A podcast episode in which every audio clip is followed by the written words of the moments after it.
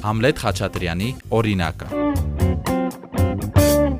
Ինձ թվում է կամավորությունը այնպիսի բան է, որը ամեն ինչ տալիս է տալիս է թե կապեր, թե գիտելիքներ, նոր հմտություններ ու եղածի կատարելագործում, ամեն ինչ է տալիս ու նաև տալիս է իմացածը պրակտիկ օգտագործելու հմտություն։ Կարծում եմ, որ կամավորության ամենամեծ առավելություններից մեկն է նա, որ կազմակերպվածություն է տալիս, կանոնակարգվածություն, ինչը իրականում նաև շատ պետք է բժշկության մեջ։ Ու շատ էին ինձ ասում, որ ինչ կապ ունի քո արածը բժշկության հետ, բան, դու բժշկականում ես սովորում բժիշկ ես դառնալու, բայց իրականում շատ մեծ կապ ունի, որովհետև կարող է հենց այդպես բժշկական գիտելիք չի տալիս, բայց տալիս է հմտություններ, որոնք բժշկի համար եւս շատ կարեւոր են։ Երևանի բժշկական համալսարանի քոլեջի 4-րդ կուրսում է սովորում Համլետ Խաչատրյանը։ Պատմում է, որ դեռ դպրոցական տարիքից կամավորական աշխատանք է կատարել տարբեր դասընթացների մասնակցել։ Մասնագիտության ընտրության հարցում էլ մեծ դեր է ունեցել հոգեբույժ տատիկի եւ էնդոկրինոլոգ մորակրոջ հոգատար ու նվիրված աշխատանքը։ Համլետն այս տարի պատրաստվում է ընդունվել բժշկական համալսարան, բայց թե որ ուղությամբ դեռ չի որոշել։ Այս պահին դեռևս մտքումս չունեմ էլի այդպիսի ուղություն, բայց ինձ հետաքրքրում է վիրաբուժությունը, ընդհանուր առմամբ նաև օրգանների փոխպատվաստումն է շատ հետաքրքրում ու առողջապահության կառավարումը։ Կարծում եմ շատ կարևոր ուղություն է մեր երկրի համար բայց թե ինչ արդեն նեղ մասնագիտություն կընտրեմ, այդ ցույց կտա երևի ապագան։ Երբ մի քիչ ավելի խորությամբ ուսումնասիրեմ արդեն համալսարանում բժշկությունը, հնարավոր մասնագիտությունները, այդ ժամանակ արդեն པարզ կլինի։ Համլետը Սևան քաղաքի ակտիվ երիտասարդներից մեկն է։ Կամավորական աշխատանք է կատարել մարզերի երեխաները մարզերում, հզոր միտք, Սևան երիտասարդական ակումբ, հասարակական կազմակերպություններում առցանց դասընթացների մասնակցելով որոշել է ինքն էլ անգլերեն ու հայոց պատմություն դասավանդել։ Սևան երիտասարդական ակումբը մասնակցել է Կազա շվեյցարական հիմնադրամի Ինովայրում մրցույթին եւ ստացած դրամաշնորհով ստեղծել գրքադար ինտերակտիվ գրադարանը, որի գրքերի մի մասը գնել են, մյուս մասը տարբեր կազմակերպություններ ու հայ հեղինակներ են նվիրել։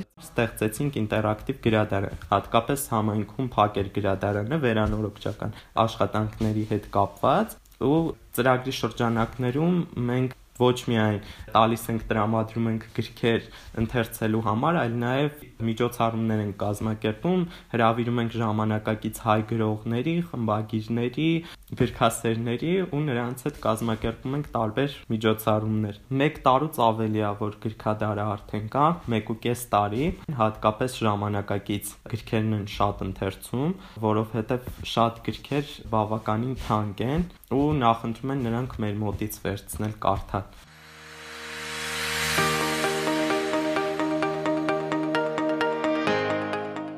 Դատա-ծրագրի շրջանակում ստացած դրամաշնորհով էլ Համլետը Սևանում համայնքագետ ծրագիրն է իրականացրել, որի նպատակը երիտասարդների մասնակցությունը քաղաքական որոշումների գործընթացին խթանելն են, նաև տեղական ինքնակառավարման մարմինների եւ երիտասարդության միջև երկխոսության մշակույթը զարգացնել է։ Անցկացվել են դասընթացներ կամավորության, դրամաշնորհային ծրագրերի երիտասարդական աշխատանքի թեմաներով ու որպես ամփոփիչ միջոցառում եղավ քաղաքական ընթրիկ հաստացը, որը Բոհեմում իրականացավ, հրավիրել էինք թիմից ներկայացուցիչների, ավականու անդամներ, նաև համանքապետարանի աշխատակիցներ ու շատ լավ հնարավորություն ստեղծվեց մի սեղանի շուրջ քննարկել համայնքի կարևոր հարցեր ու նաև երիտասարդների պոտենցիալը, թե ինչ ներդրում կարող ենք ունենալ այդ խնդիրների լուծման process-ում։ Դրանից հետո ծրագրի մասնակիցների մեծ մասը միացավ հասարակական կազմակերպությանը ու նաև իրենք էլ սկսեցին արդեն հոգ տանել համայնքի մասին։ Կարելի է ասել, ձևավորվեց այդ համայնքապատկանելիության զգացումը, համայնքի կարևոր մասնիկը լինելու լինելու զգացումը։ Իրականում չեմ սիրում քաղաքականություն։ Մի պահ կար, որ այդպես շատ հետաքրքրվում էի, բան 2019-20 թվականներին, բայց դրանից հետո հասկացա, որ ինձ դուր չի գալիս էլի քաղաքականությունը որպես ոլորտ։ Իրականում ինձ ավելի շատ հետաքրքրում է ոչ թե քաղաքականությունը, այլ թե ինչպես կարող ենք օրինակ լուծել համայնքային խնդիրներ պաշտոնավոր անձանց որոշում կայացնողների հետ համատեղ ուժերով։ Ինչպես կարող ենք օգնել իրենց, որպես քաղաքացի ինչ ներդրում կարող ենք ունենալ համայնքի ակտիվացման process-ում, զորացման process-ում։ Գուցե մեզնից շատերը դառնան ավականու անդամներ կամ համայնքապետարանի աշխատակիցներ ու զբաղվեն շատ կարևոր հարցերով, գործերով ու շատ կարևոր է հենց այս պահից, այս տարիքից ներգրաված լինելը այդ process-ում, գիտելիքներ կուտակելը ու դրանք օգտագործելը։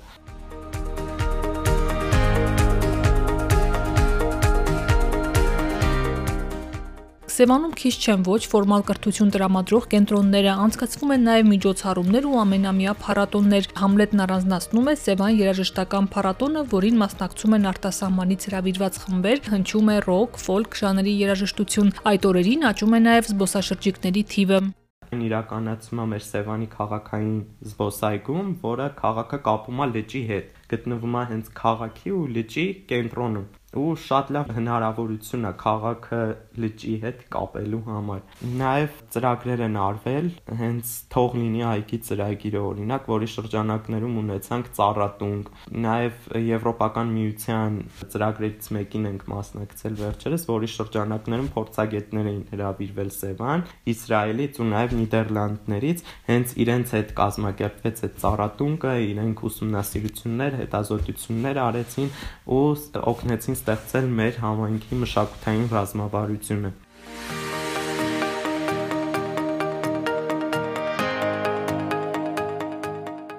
Իր զբաղվածությանը զուգահեռ Համլետը նաև աշխատում է բժշկական սարքավորումներ ներմուծող ընկերությունում որպես SMM մասնագետ։ Այդ աշխատանքը գտել է մեմի միջոցով։ Ասում է, բավականին հետաքրքիր է բժշկական սարքավորումների օգտագործման մասին հրապարակումներ անելը, քանի որ դրանց աշխատանքի հիմքում հիմնականում ընկած է արհեստական բանականությունը։ Համլետի կարծիքով, որքան զբաղված ես լինում, այնքան ավելի շատ գործ ես հասցնում անել։ Այժմ կենտրոնացած է ընդունելության քննությունների վրա։ Խորհուրդ կտամ լինել ակտիվ, զբաղվել կամավորությամբ դեռևս դպրոցական տարիքից, բայց չդնել այսպես տարանջատում կարևոր է կրթությունը, թե կարևոր է կամավորությունը, այսինքն ֆորմալ թե ոչ ֆորմալ կրթություն, որովհետև երկուսն էլ շատ կարևոր են ու փոխկապակցված են իրար հետ խորհուրդ կտամ լավ սովորել, կրթվել, զբաղվել կամավորությամբ ու ստացած գիտելիքները անպայման օգտագործել մի լավ բան անելու համար։ Այդ մի լավ բանը հենց կարող է լինել համայնքի հզորացմանը նպաստելը։